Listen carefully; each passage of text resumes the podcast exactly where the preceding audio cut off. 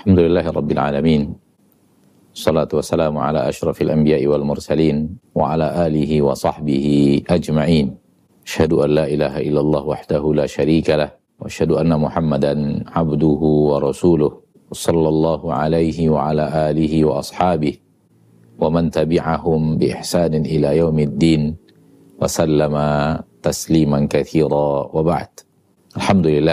syukur kepada Allah Tabaraka wa Ta'ala Rabbul Izzah wal Jalalah yang telah mempertemukan kita kembali melalui media yang Allah Tabaraka wa Ta'ala mudahkan untuk kita di zaman sekarang ini untuk mengisi usia yang Allah Tabaraka wa Ta'ala berikan kepada kita dengan ketaatan kepadanya. Dan pada kesempatan ini kita isi dengan tawasi bil haq wa tawasi bil sabr yang diperintahkan Allah Tabaraka wa Ta'ala sebagaimana yang Allah nyatakan di dalam Al-Quran surah Al-Asr. A'udhu billahi minasyaitonir rajim. Bismillahirrahmanirrahim. Wal asr. Innal insana lafi khusr. Illa alladhina amanu wa amilu salihat. Wa tawasaw bil. Wa tawasaw bil sabr. Maka tawasi bil dan tawasi bil sabr adalah perintah ilahiyah. Perintah Allah tabaraka wa ta'ala Rabbul Izzati wal Jalalah yang harus kita jadikan hidup kita di dalam tawasi bil haq wa tawasi bil sabr.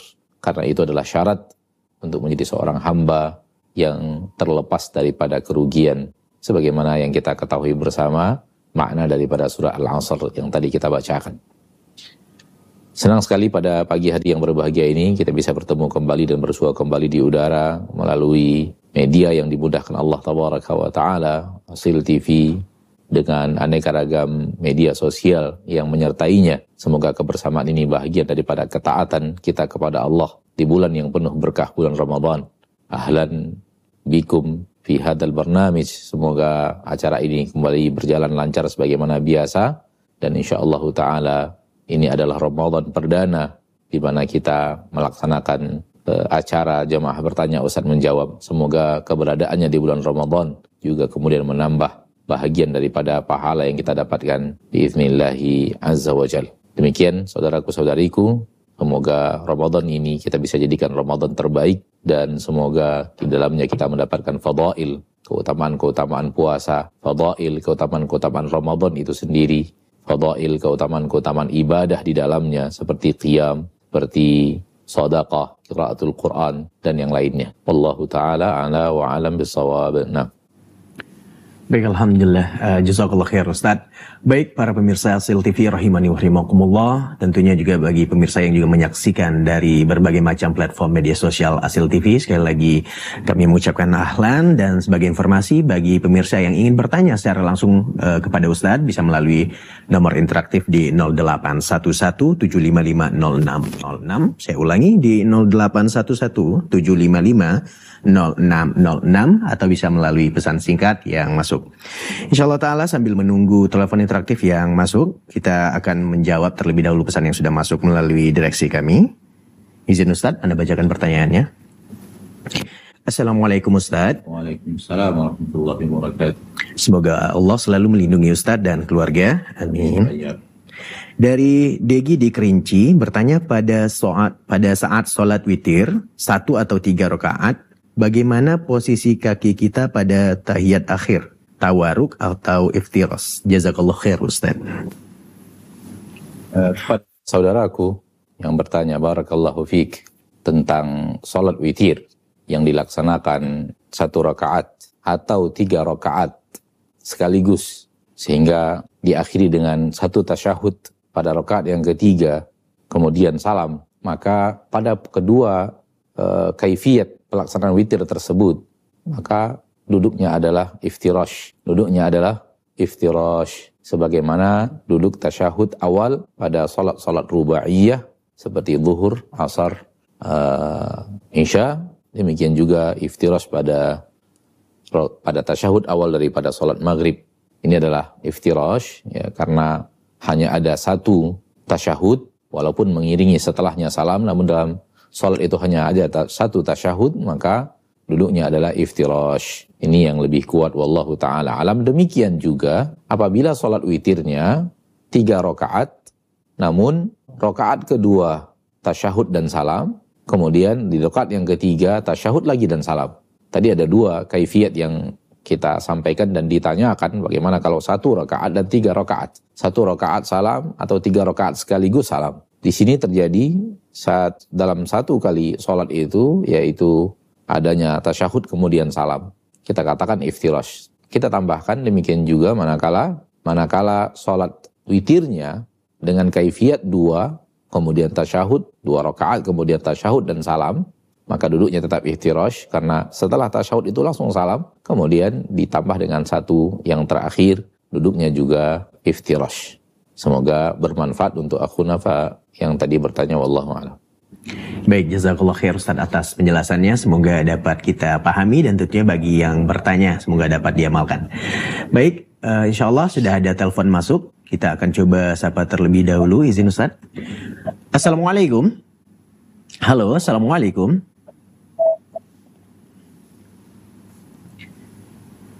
Baik, halo, assalamualaikum. Kita coba sapa terlebih dahulu. Halo. Halo, assalamualaikum. Ya, halo, assalamualaikum ibu. Dari siapa dan di mana? Halo. Halo, assalamualaikum. Waalaikumsalam. Ya. Iya, ibu dengan siapa? Uh, di mana begini ibu? Pak, mau bertanya Ustaz, uh, selama bulan ini Ustaz saya sholatnya di masjid kita tarawih. Tapi uh, kalau sholat isya itu Ustaz, Eh, Saya itu kadang sudah sempat baca dengan suara yang lebih eh, tasyahud awal Pak Ustaz. Maksudnya batasnya itu di asyhadu alla ilaha illallah wa asyhadu anna muhammadan abduhu wa rasuluh. Saya tidak baca salawat lagi Pak Ustaz karena imamnya sudah tampil berdiri. Jadi di imam terus eh itu bagaimana Ustaz sholat isya saya itu eh, sah atau tidak.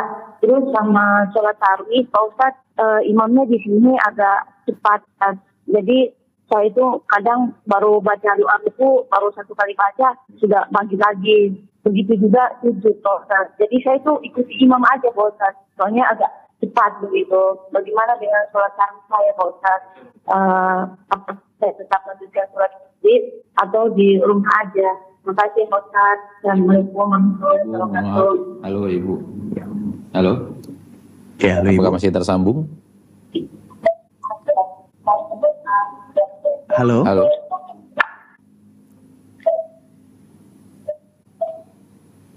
Kalau Ibu mau diulang pertanyaannya, kadang ada ada gangguan teknis di studio. Kita mohon Ibu untuk mengulang pertanyaannya. Ya, Afwan eh, sepertinya terputus Ustaz. Baik. Ya, mohon maaf pemirsa, ada gangguan teknis eh, dan insya Allah kita akan terima kembali untuk ibu yang sebelumnya bertanya melalui telepon interaktif. Insya Allah Ta'ala, jika ada kesempatan kita akan menerima kembali telepon ibu. Ya, Bismillah kita akan coba apakah ada penelpon lainnya. Halo, Assalamualaikum. Ya, baik. Izin Ustadz, sepertinya kita menjawab pertanyaan yang masuk melalui pesan. Baik, dari hamba Allah. Bismillah, Assalamualaikum Ustadz. Waalaikumsalam warahmatullahi wabarakatuh. Apakah jika puasa kodok wajib sahur dulu atau boleh tidak sahur jika kesiangan untuk sahur? Puasa kodok, Ustadz. Syukran. Puasa kodok adalah bagian daripada puasa yang dia adalah puasa wajib. Ya. Kodok adalah puasa wajib karena dia mengkodok puasa yang wajib yang kita tinggalkan dengan uzur di bulan Ramadan. Dan puasa kodok disebabkan dia adalah puasa yang merupakan ibadah puasa wajib, maka yang wajib pada puasa wajib itu adalah niat untuk berpuasa. Niat untuk berpuasa sebelum datangnya waktu fajar. Ada niat di dalam hati bahwa besok dia akan berpuasa wajib. Berlaku padanya hadis Nabi sallallahu alaihi wasallam, "Man lam yubayyitin niyata minal laili fala siyamalah." Barang siapa yang tidak menetapkan niat dari malam hari, maka tidak ada puasa baginya. Ini berlaku untuk puasa wajib. Sehingga tidak boleh puasa wajib itu dilaksanakan seperti puasa sunat. Awalnya tidak ada niat untuk berpuasa, tiba-tiba ada keinginan berpuasa, lalu kemudian menghadirkan niat untuk puasa wajib. Ya, di antara puasa wajib adalah puasa Ramadan, di antara puasa wajib adalah puasa qadha, puasa kafarat, ya, dan yang lainnya. Maka ketika puasa itu adalah wajib, maka niatnya sudah harus ada dari malam hari. Niatnya sudah harus ada dari malam hari. Pertanyaannya, saya tidak sahur Ustaz. Bagaimana yang tadi kita dengarkan bersama, pertanyaannya saya tidak sahur. Sahur atau tidak sahur, maka ini tidak mengganggu manakala niatnya sudah ada. Manakala niatnya sudah sudah ada. Sudah ada diniatkan bahwa besok kita akan puasa kodok, namun Allah takdirkan tidak sahur karena satu dan lain hal, ya mungkin tertidur atau yang lainnya sehingga tidak sahur. Maka ini tidak mengganggu puasa kodok tersebut. Namun tidak boleh seperti puasa sunat, yaitu awalnya tidak ada niat berpuasa, manakala sudah masuk waktu imsak, wajibnya menahan diri dari puasa, masuknya waktu fajar, kemudian berlalu sampai sampai jam 7, jam 8, jam 9 misalnya, kemudian pada jam 9 itu baru kemudian kita berniat untuk melakukan puasa kodok, maka itu tidak boleh. Itu hanya boleh untuk puasa-puasa sunat. Adapun puasa wajib, maka niatnya harus ada dari dari malam hari. Jadi eh, sahurnya merupakan sunat, namun adanya niat untuk mengkodok itu sudah harus ada dari malam hari. Wallahu taala alam. Baik, Alhamdulillah, jazakallah khair Ustaz atas jawabannya. Baik, pemirsa Sil TV, semoga yang bertanya dapat uh, tercerahkan dan juga bagi kita semua yang mendengarkan, semoga dapat mengamalkan ilmu dan juga uh, tentunya nasihat ini. Baik, Alhamdulillah Ustaz, sepertinya sudah ada penelpon terbaru yang masuk. Kita sapa terlebih dahulu. Assalamualaikum. Halo. Waalaikumsalam warahmatullahi wabarakatuh. Ibu, uh, dengan siapa dan di mana Ibu? Dengan uh, Nya di ah, di Papua. Masya Allah, uh, uh, dengan ibunya di Papua. Baik, silakan Ibu uh, untuk pertanyaannya kepada uh, begini, Begini Pak Ustadz, selama bulan suci Ramadan ini, saya melaksanakan sholat isya sekaligus taruh di masjid. Yeah. Ya. Uh, tapi yang saya tanyakan begini Pak Ustadz, kalau sholat isya itu kadang saya tidak sempat baca tasawuf awal Pak Ustadz. Maksudnya di mata doanya saja, saya tidak salawat lagi Pak Ustadz. Tidak baca salawat lagi imamnya sudah nanti berdiri. Jadi bagaimana dengan sholat saya Ustaz? Apakah sah atau tidak? Terus sama sholat tarawihnya Pak Ustaz di sini ada cepat Pak Ustaz imamnya. Jadi saya itu ikuti imam aja Pak Ustaz. Uh, saya kadang baru baca uh, doa su, uh, ruku dan sujud satu kali satu kali imamnya sudah berdiri lagi sudah masuk lagi. Jadi tidak ya. yeah. sempat Bagaimana Pak Ustaz uh, dengan sapi saya, apakah sah atau tidak, Baik. atau saya tetap lanjut ke masjid atau di rumah saja Pak Ustaz. Terima kasih ya Pak Ustaz. Assalamualaikum warahmatullahi wabarakatuh. Waalaikumsalam warahmatullahi wabarakatuh. Ini sepertinya ibu yang tadi terputus sepertinya. Iya, di awal tadi. Iya, Masya Allah. Ya, Allah. Bisa menyambung kembali. Baik, e, merupakan kebahagiaan tersendiri ya yang tadinya terputus kemudian bisa sambung kembali ternyata dari negeri yang sangat jauh kami yang ada di pertengahan Sumatera ya, terkoneksi dengan pemirsa yang ada di timur Indonesia, ya, di Papua. Semoga siaran kita bisa diterima dengan baik dan jernih dan bersih di sana dan bermanfaat untuk saudara-saudari kita kaum muslimin dan muslimat dengan aneka ragam acara yang disuguhkan oleh hasil TV untuk kaum muslimin dan kaum muslimat, saudara-saudari mereka yang mereka cintai. Baik, eh, ada satu hal yang harus diperhatikan oleh seluruh kaum muslimin dan kaum muslimat dalam beribadah yaitu eh, hal yang berhubungan dengan inti ibadah itu sendiri yaitu khusyuk atau hal yang berhubungan dengan jumlah ibadah. Sering sekali kita memperhatikan, terutama di sholat-sholat tarawih, kita perhatikan sebagian kaum muslimin mempertahankan jumlah bilangan rokaat tanpa mempedulikan ruh ibadah itu sendiri yaitu khusyuk dan tumak nina. Dan ini kesalahan besar dalam melaksanakan sholat. Karena sholat intinya adalah ruh daripada sholat itu adalah tumak ninah di dalam sholat dan kekhusyukan di dalam sholat. Bahkan ketika ada seorang pemuda yang tidak tumak ninah, Nabi mengatakan, irji' fasalli fa kalam tusalli. Kembali kamu laksanakan sholat, kamu belum sholat. Karena tidak tumak ninah. Sering kita temukan, ya, ketika sebagian saudara-saudari kita ingin mengejarkan jumlah bilangan tertentu di dalam sholat tarawih, ya, ingin melaksanakannya 20 sekian, namun yang dituju dan ditarget adalah jumlah bilangan rokaat tanpa mengabaikan, eh, tanpa mempedulikan dan dan mengabaikan ketenangan ketika sholat, ketentraman ketika sholat, tumak nina ketika sholat, dan kekhusyukan ketika sholat. Sehingga di sana sini kita temukan yang melaksanakan sholat 21 rakaat itu sama panjang waktu yang mereka butuhkan dengan yang melaksanakan sholat 11 rakaat. Itu artinya apa? Ada ada adanya gerakan yang sangat cepat di dalam sholat. Bagaimana mungkin kita akan mendapatkan tumak ninah, kita akan mendapatkan ketenangan, keten, eh, ke, kekhusyukan, manakala gerakan terlalu cepat. Karena apa? Karena mentargetkan jumlah. Yang penting sekian, bagaimanapun pelaksanaannya, yang penting sekian. Bahkan mungkin sebagian kaum muslimin bisa melihat di media sosial adanya orang yang sholat 23 rakaat itu hanya dalam 15 menit, dalam 10 menit, dan gerakan yang sangat hancur-hancuran antara gerakan imam dan makmum tidak nyambung. Makmum belum sujud, imam sudah duduk di antara dua sujud. Makmum belum ikut imam ruku, imamnya sudah sudah ya tidal dan ini membatalkan sholat. Apa yang terjadi? Yang terjadi adalah ke keharusan angka tertentu dan jumlah tertentu tanpa, tanpa mempedulikan tanpa mempedulikan tumak nina di dalam sholat. Rasul kita tercinta sallallahu alaihi wasallam yang beliau pedulikan adalah tumak ninahnya. Sehingga sholat malam beliau kadang-kadang hanya enam rakaat. Kenapa? Panjang. Kadang-kadang delapan rakaat.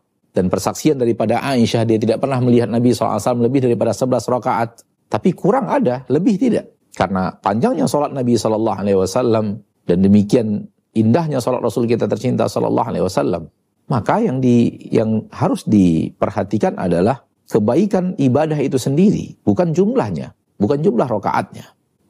Ini penting kita sampaikan kepada saudaraku, saudariku kaum muslimin dan muslimat rahimani wa rahimakumullah. Sebagaimana para ulama ketika berbicara tentang apakah wukuf afdolnya di duduk di bumi, di lantai, atau duduk di atas kendaraan, sebagaimana duduknya Nabi SAW di atas unta. Maka jawaban dari para ulama yang kita dengarkan, yang penting adalah zatul ibadahnya. Ibadah mana yang membuat Anda lebih nyaman? Ibadah mana membuat Anda yang lebih khusyuk?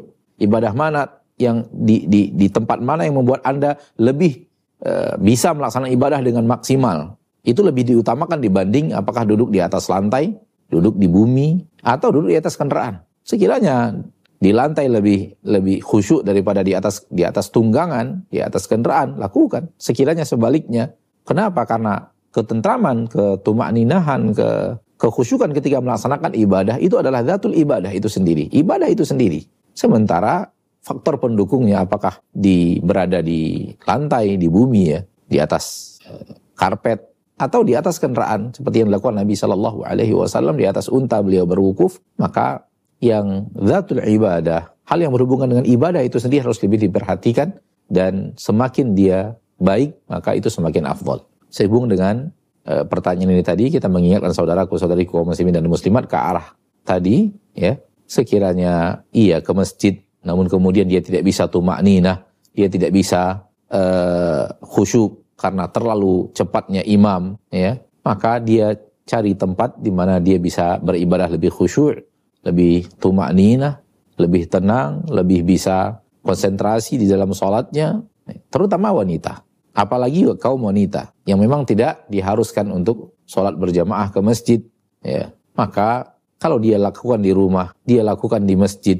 dua-duanya adalah kebaikan ya. Namun apalagi apabila seperti yang tadi ditanyakan kondisi jamaahnya hanya mentargetkan jumlah bilangan rokaat mungkin ya.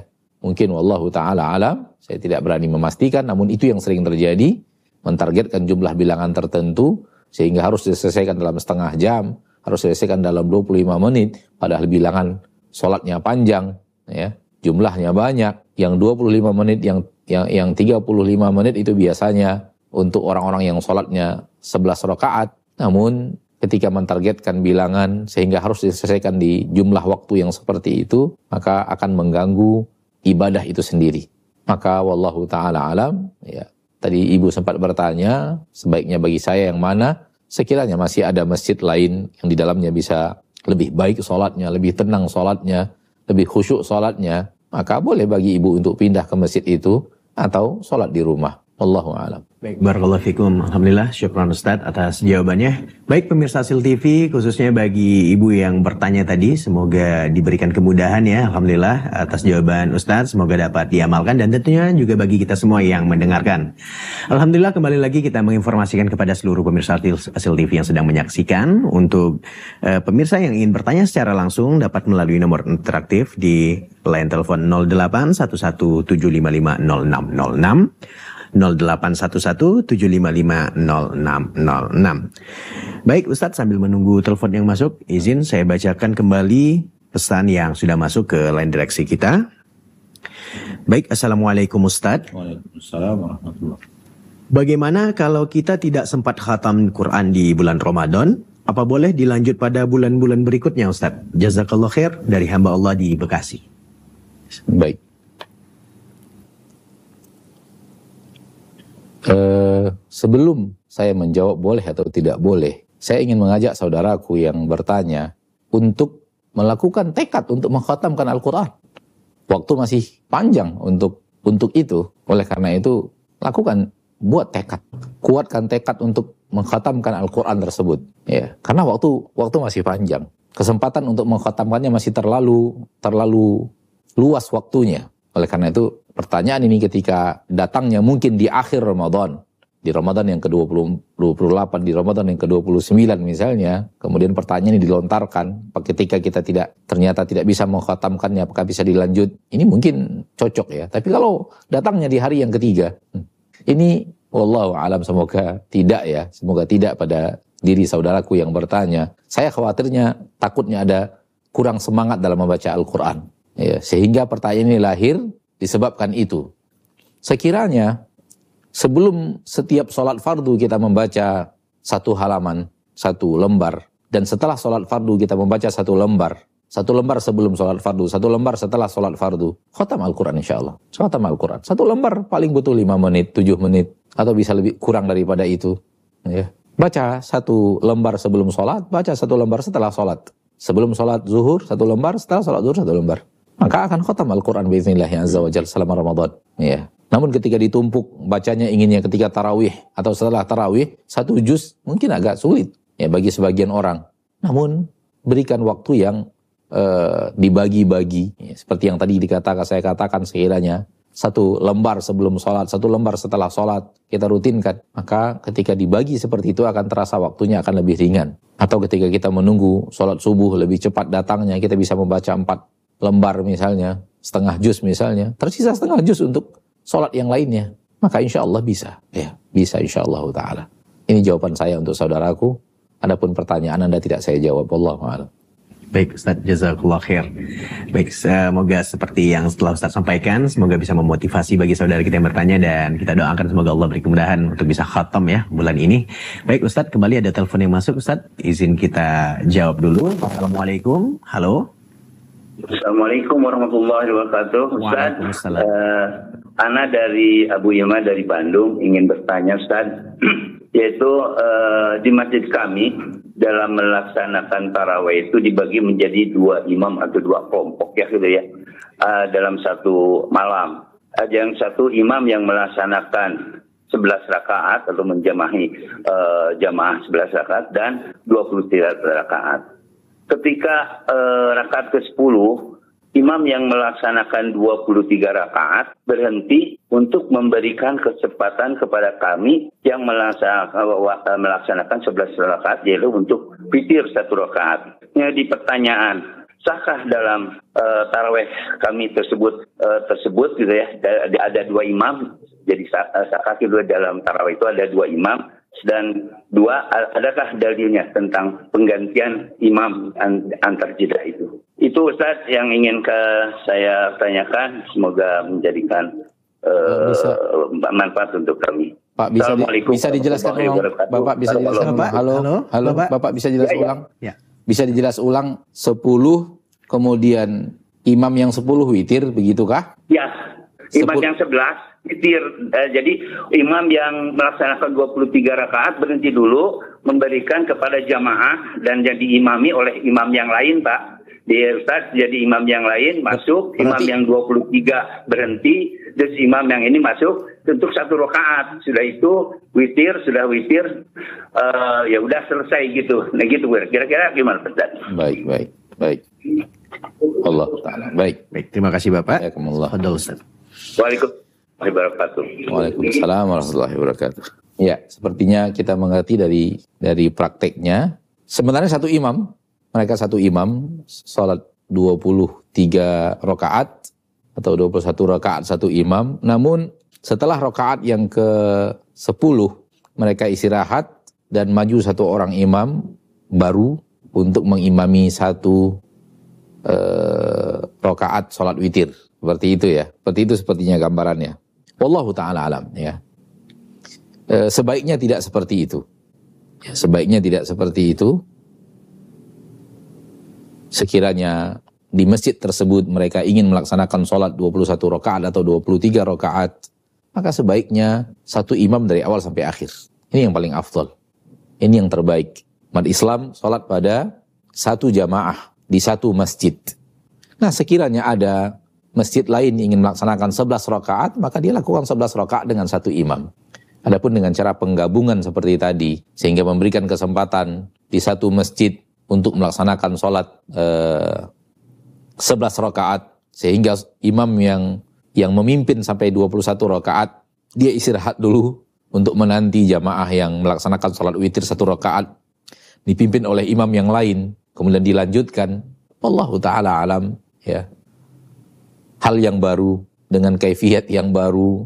Saya juga tidak berani mengatakan haram dan salah. Akan tetapi yang terbaik tidak seperti itu. Yang terbaik adalah sekiranya memang 21 rakaat maka satu imam sampai 21 rakaat. Ya.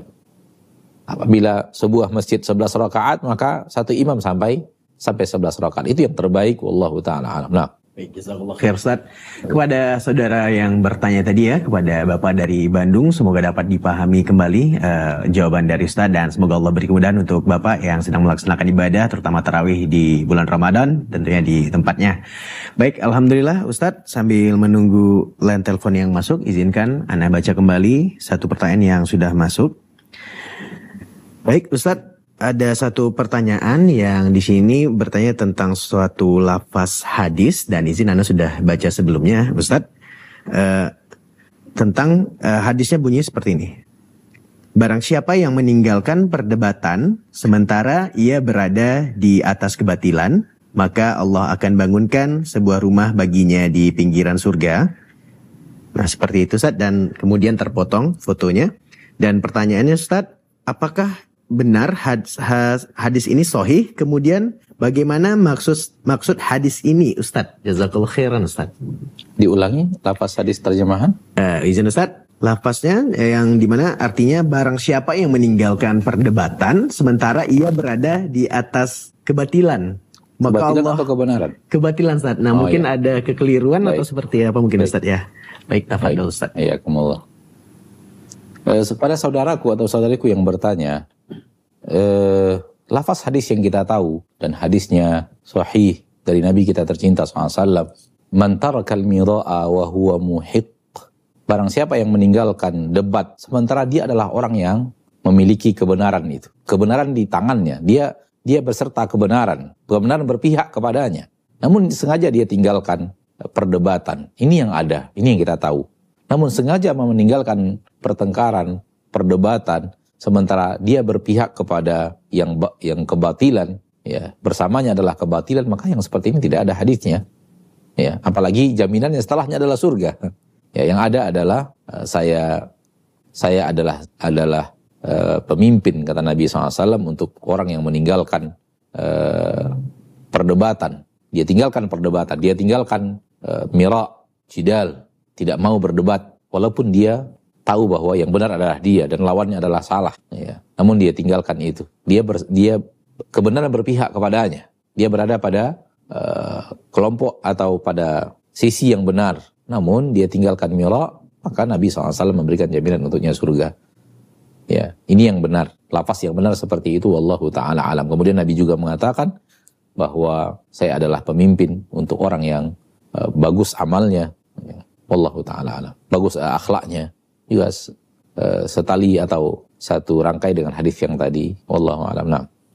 Barakallahu fiik Ustaz. Afan Ustaz, uh, izin menambahkan sedikit. Izin, maaf Ustaz, izin bertanya sedikit Ustaz. Terkait yang tadi mungkin kalau dilihat dari uh, lafaz hadisnya didapat mungkin dari status Ustaz. Mungkin apakah ini berarti kita harus berhati-hati juga Ustaz ya mencari ataupun mengambil uh, apa namanya ayat-ayat Al-Qur'an ataupun hadis berdasarkan dari comotan dari internet ataupun dari ya, ini musibah pada zaman kita sekarang ya.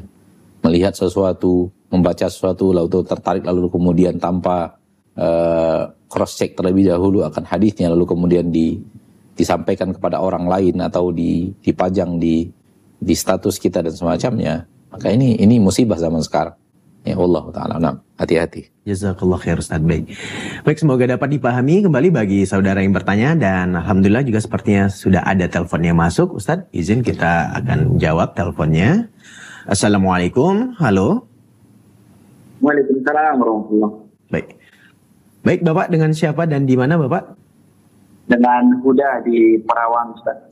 Baik, uh, Bapak udah di Perawang, silakan Bapak pertanyaannya kepada Ustaz. Assalamualaikum Ustaz. Waalaikumsalam warahmatullahi wabarakatuh. Mau bertanya Ustaz. Fadal, Pak. Kalau di bulan Ramadan ini kita kan malamnya sholat tarawih Ustaz. Nah, Apakah apakah bisa kita sholat tahajud lagi di sepertiga malam Ustaz? Bagaimana? Hmm. baik. Itu saja, Pak. Iya. Baik. Baik, terima kasih Bapak. Tafadol Ustaz. Nah, kaum muslimin dan kaum muslimat rahimani rahimakumullah. Eh, pada saat kita melaksanakan sholat tarawih di masjid bersama imam dan selesai sholat tarawih kita akhiri dengan witir. Kita akhiri dengan witir. Kemudian sepertiga malam terakhir jam 3, jam setengah 4 subuh kita bangun. Apakah masih bisa kita untuk lakukan sholat malam? Di sini ada para ulama berbeda pendapat tentang sholat malam Ramadan. Sholat-sholat malam di Ramadan atau di luar Ramadan. Apakah hanya 11 rakaat atau bisa lebih daripada 11 rakaat? Ini ada dua pendapat ya. Dan saya secara pribadi lebih condong kepada pendapat yang mengatakan boleh lebih daripada 11 rakaat. Ya, boleh lebih daripada 11 rakaat. Dengan dalil-dalil yang ada, wallahu alam, ana secara pribadi lebih condong kepada pendapat para ulama yang menyatakan bahwa uh, tidak terlarang atau tidak salah dan boleh lebih daripada 11 rakaat.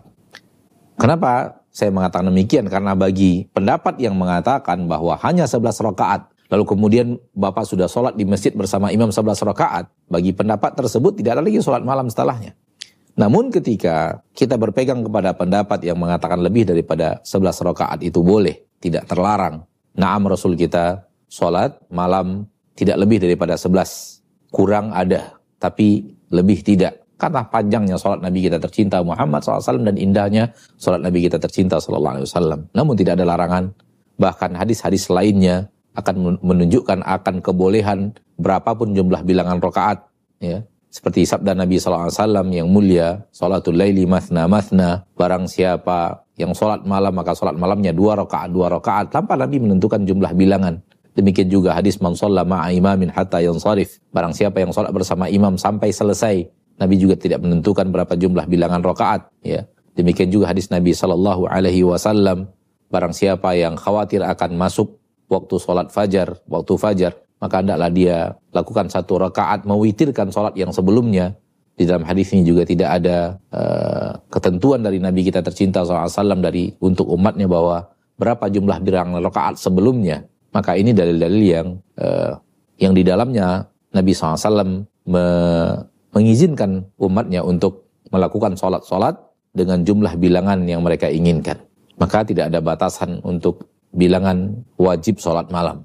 Harus 11, tidak boleh lebih daripada itu. Allahu alam dalam pendapat yang kita pegang ya Bapak. Maka kata kalau demikian adanya, maka bisa melaksanakan sholat setelah itu. Kenapa? Karena memang bilangan sholat yang sebelumnya 11 itu bukanlah uh, kewajiban harus 11.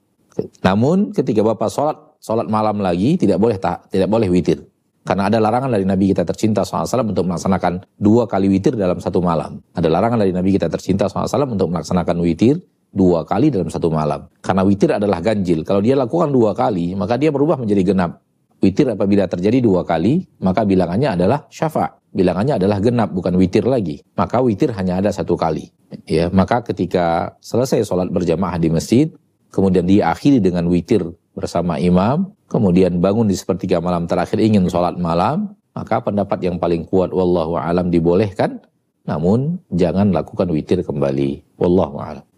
Baik, Barakallahu Fik. Alhamdulillah. Jazakallah khair Ustaz. Semoga hmm. kembali dapat dipahami bagi yang bertanya dan tentunya juga dapat kita amalkan ya bagi kita semua yang mendengarkan. Dan tentunya bagi pemirsa Hasil TV kembali kami mengingatkan yang ingin bertanya secara langsung dapat melalui telepon interak eh, di nomor dapat melalui line telepon interaktif di nomor 0811 755 0606. Baik, sambil menunggu Ustaz, pertanyaan yang masuk melalui telepon sudah masuk pertanyaan melalui pesan dan kita akan bacakan. Izin Ustaz, Assalamualaikum warahmatullahi wabarakatuh. Waalaikumsalam. Saya izin bertanya Ustadz, apakah laki-laki ataupun perempuan yang melakukan istimna di siang hari bulan Ramadan, puasanya batal Kemudian orang tersebut harus melanjutkan puasa, menahan makan dan minumnya sampai waktu berbuka Ustaz. Afwan, mungkin maksudnya apakah puasanya batal atau orang tersebut harus tetap melanjutkan puasa, menahan makan dan minumnya sampai waktu berbuka Ustaz. Jazakallahu khairan. Pada. Yang pertama kita mengatakan ini adalah maksiat yang bisa membatalkan puasa. Melakukan onani di siang hari adalah maksiat dan apabila spermanya keluar membatalkan puasa. Maka dua maksiat terjadi. Membatalkan puasa dengan sengaja adalah maksiat, istimna'nya juga adalah maksiat. Dan maksiat itu terjadi di bulan Ramadan. Sehingga akan mendapatkan dosa yang berlipat daripada bulan yang bulan bukan Ramadan. Maka hendaklah bertakwa kepada Allah subhanahu wa taala. Hendaklah kita takut akan adab Allah, takut akan murka Allah Rabbul Izzati wal Jalalah di mana kita melaksanakan melakukan maksiat di bulan Ramadan dan maksiat yang kita lakukan maksiat yang membatalkan puasa kita maka ini adalah maksiat di atas maksiat naudzubillah thumma naudzubillahi min dzalik wallahu a'lam nah khair Ustaz. Baik, uh, semoga kembali uh, untuk yang pertanyaan dapat diamalkan tentunya bagi kita semua juga mendapatkan faidah dan ilmu seperti yang Ustadz jelaskan. Baik Ustadz, kita sudah terhubung kepada penanya selanjutnya melalui line telepon. Halo, assalamualaikum. Waalaikumsalam warahmatullah. Baik, izin Bapak dengan Bapak siapa dan di mana Pak? Dengan Pak Abdurrahman di Karanganyar, Ustaz. Baik, Bapak Abdurrahman. Uh, semoga puasanya diberi kelancaran Bapak ya, Insya Allah sampai waktu berbuka nanti. Ya, ya Baik, silakan ya, Bapak. Ini anak, anak mau tanya Ustaz. Ya. Tafadol Bapak, silakan. Ya, dua bulan yang lalu karena kan ada operasi besar. No. Pengangkatan salah satu ginjal anak. No. Terus pada saat operasi itu lamanya kan hampir 9 jam. Uh, kurun waktu 9 jam itu kan anak melewatkan sholat fardu dari mulai sholat duhur, sholat asar, sholat maghrib, dan sholat isya. No. Uh, ini sampai sekarang anak belum mengkodok Mm-hmm. Karena pasca operasi kondisi tidak belum memungkinkan.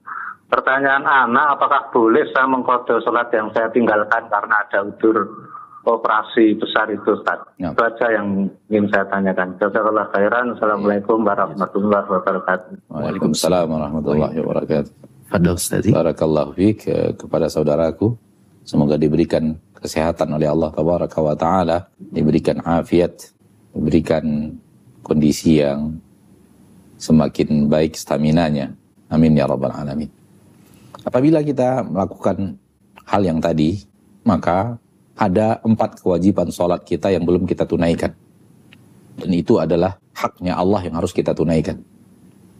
Itu adalah kewajiban kita kepada Allah. Dan itu adalah haknya Allah yang harus kita tunaikan. Maka di pundak antum masih ada kewajiban kepada Allah. Masih ada hak Allah yang harus antum tunaikan yaitu sholat duhur, sholat asar, sholat maghrib, dan sholat isya. Dan Anda tidak tahu kenapa antum undur sampai sekarang ini, karena dari pertanyaan tadi kita dengar adalah enam bulan yang lalu. Ya, kita mendengarnya enam bulan yang lalu, berarti setelah pas, pasca operasi pasti antum bisa melaksanakan sholat, kenapa belum dikodok? Namun kalau ataupun sampai sekarang belum dikodok, maka masih ada kewajiban antum untuk melaksanakan sholat. Maka lakukan sholat duhur, kodok, atas sholat zuhur yang tadi ditinggalkan disebabkan sedang berada di meja operasi.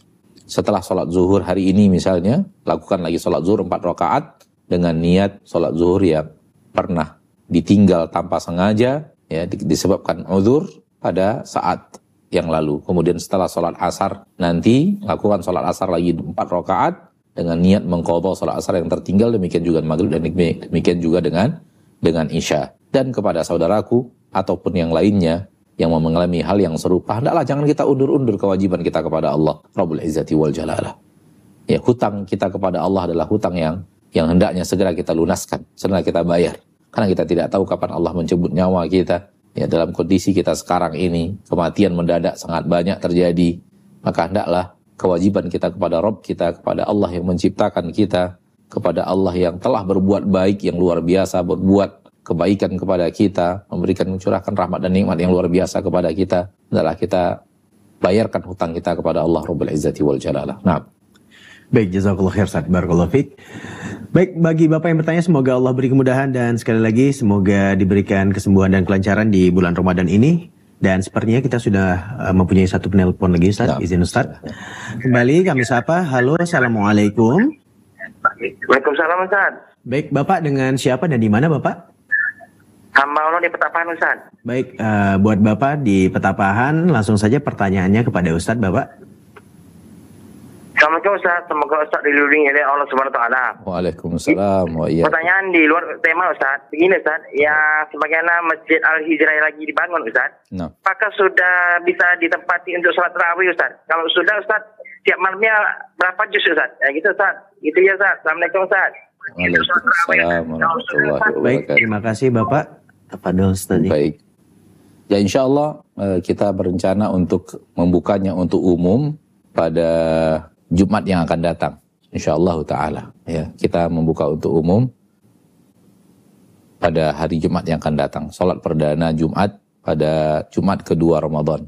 Dan setelah itu insya Allah Ta'ala dibuka untuk tarawih dan salat fardu lainnya untuk saudara-saudari kita kaum muslimin dan muslimat. Nah, barakallahu fiik. Fiik barakallah.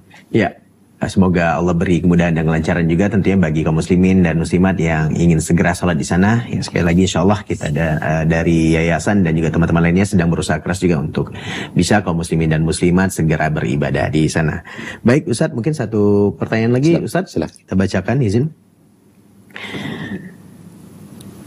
Bismillah izin bertanya Ustadz. Apakah boleh satu kali niat untuk satu bulan penuh bu, uh, di bulan puasa Ramadan Ustaz? Jazakallah khairan. Eh, pertanyaan ini sering sekali kita dapatkan dari sebagian saudara-saudari kita. Apakah niat itu harus tiap malam, tiap malam kemudian untuk hari berikutnya? Ataukah boleh di awal Ramadan kita berniat untuk puasa satu bulan penuh Tak ada yang bertabrakan, tak ada yang bertabrakan. Baik antum berniat dari awal Ramadan akan akan puasa Ramadan satu bulan penuh. Baik antum berniat di setiap malam untuk siang nanti akan puasa Ramadan, tak ada yang bertabrakan. Dan duanya berjalan seiring. Bukankah Anda yang sekarang ini berada di di tanggal 29 Sya'ban, berada di tanggal 28 Sya'ban, bukankah Anda berniat satu Ramadan full ini Anda akan berpuasa? Dan juga ternyata di setiap malam Anda berdiam, setiap hari itu Anda akan berpuasa. Seolah-olah pertanyaan tadi adalah kalau sudah pasang niat di awal Ramadan untuk puasa sampai akhir Ramadan, nggak perlu lagi pasang niat di malam harinya. Nggak begitu juga. Nggak begitu juga. Karena niat itu adalah keinginan hati untuk berpuasa. Di saat kita di akhir Syaban, kita ada niat untuk puasa seluruh Ramadan. Kecuali kalau ada uzur yang diizinkan Allah Taala, sakit, safar, dan uzur wanita haid dan seperti kita kaum laki-laki, manakala tidak ada uzur, tidak ada sakit, tidak ada uh, safar, tidak ada hal-hal yang menghalangi kita untuk berpuasa secara syar'i, maka kita akan puasa sepanjang Ramadan. Di setiap malamnya juga kita berniat besoknya kita akan berpuasa. Maka ini dua hal yang tidak bertabrakan. Ya tidak bisa difahami, jangan sampai difahami bahwa ketika kita sudah meniatkan untuk seluruh Ramadan kita berpuasa, itu artinya malam-malam berikutnya kita tidak perlu lagi punya niat untuk besok berpuasa. Tidak seperti itu juga ya dan itu berjalan seiring, berjalan berdampingan dan tidak bersaling bertabrakan. Banyak sekali kaum muslimin yang berniat untuk full Ramadan, ya. Kemudian di setiap malamnya juga mereka berniat bahwa besok, bahwa setelah sahur ini datangnya waktu sholat subuh mereka akan berpuasa sampai datangnya waktu sholat maghrib. Maka dua hal yang tidak bertabrakan. Ini yang untuk melakukan atau itu atau gabungkan dua-duanya, maka dua hal yang tidak saling bertabrakan. Wallahu ta'ala alam. Nah. Baik, Barakallahu Fik, Jazakallah Khair Ustaz. Ya. ya Alhamdulillah menjawab pertanyaan dari saudara kita tadi ya, yang sudah bertanya. Tentunya kita juga doakan semoga Allah beri kelancaran. Dan tentunya bagi para pemirsa Sil TV yang sedang menyaksikan jamaah pertanyaan Ustadz menjawab, kita masih membuka satu telepon lagi di 0811755606. Tapi mungkin eh, jika belum ada, izin Ustadz kembali kita bacakan dari pesan yang sudah masuk.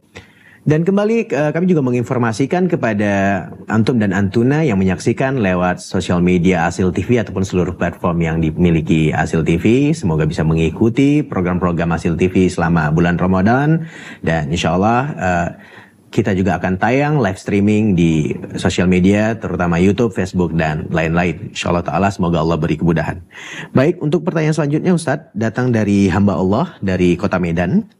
Assalamualaikum Ustadz. Waalaikumsalam warahmatullahi Ustadz, Ana mau bertanya. Ana seorang guru TK. Jadi di sekolah itu kadang ada kegiatan menggambar makhluk hidup. Kadang ada kegiatan senam yang diiringi musik dan lagu-lagu. Gimana hukumnya ya Ustadz? Baik, Ustadz.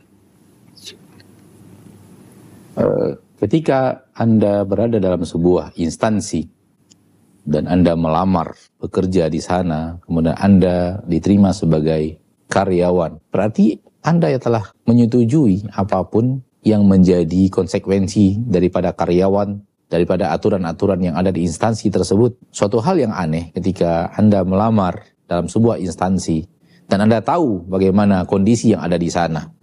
Setelah resmi Anda menjadi karyawan, kemudian Anda mendapatkan sesuatu yang bertabrakan dengan syariat, lalu Anda mempertanyakan bagaimana saya, apakah saya ikuti atau saya tinggalkan. Ini hal yang aneh. Kenapa? Karena ini adalah konsekuensi daripada pilihan Anda.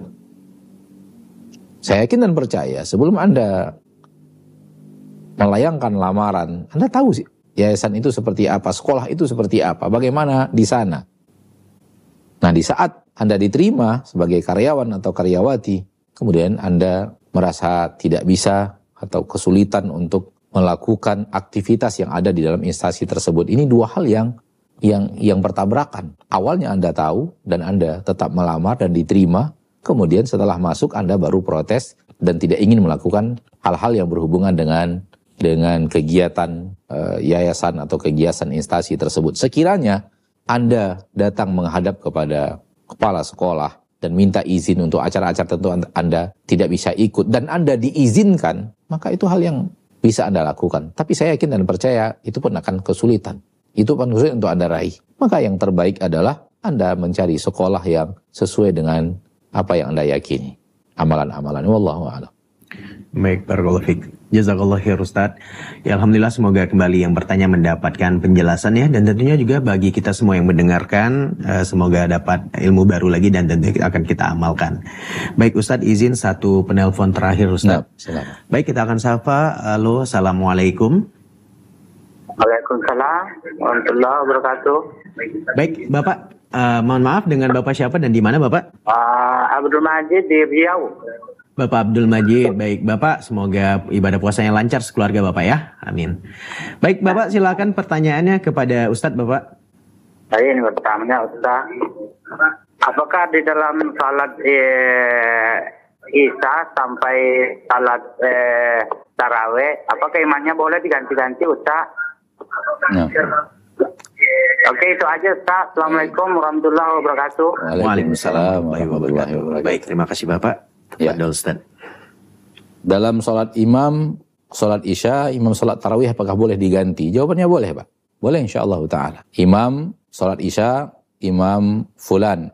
Katakanlah Ustadz Abdurrahman. Namun begitu sholat tarawih yang mengimami adalah Ustadz Abdurrahim sampai akhir. Maka ini tidak ada tidak ada salah sama sekali. Tidak ada menyelisihi apa pun dan dibolehkan. ya Tidak ada salahnya. Dan tidak ada pelanggaran apa pun. Tidak ada hal yang aneh apa pun. Wallahu taala. Nah, baik, jazakallah khair Ustaz.